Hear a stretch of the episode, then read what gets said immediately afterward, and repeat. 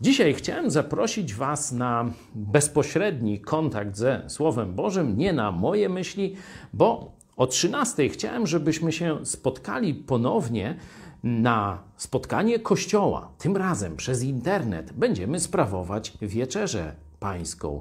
A ten fragment z Psalmu 33 chciałem wziąć jako kanwę nauczania. Stąd czytam od wersetu 8. Niech się boi Pana cała ziemia. Niech drżą przed nim wszyscy mieszkańcy świata, bo on rzekł i stało się, i rozkazał i stanęło. Pan unicestwił plany narodów, w niwecz obrócił zamysły ludów. Plan Pana trwa na wieki, zamysły serca Jego z pokolenia w pokolenie. Błogosławiony naród, którego Bogiem jest Pan. Lud, który wybrał sobie na dziedzictwo. Pan spogląda z nieba, widzi wszystkich ludzi.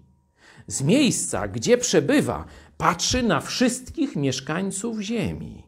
On, który ukształtował serce każdego z nich, on, który uważa na wszystkie czyny ich. Nielicznemu wojsku zawdzięcza król swe zwycięstwo, nie swej wielkiej sile zawdzięcza wojownik ocalenie.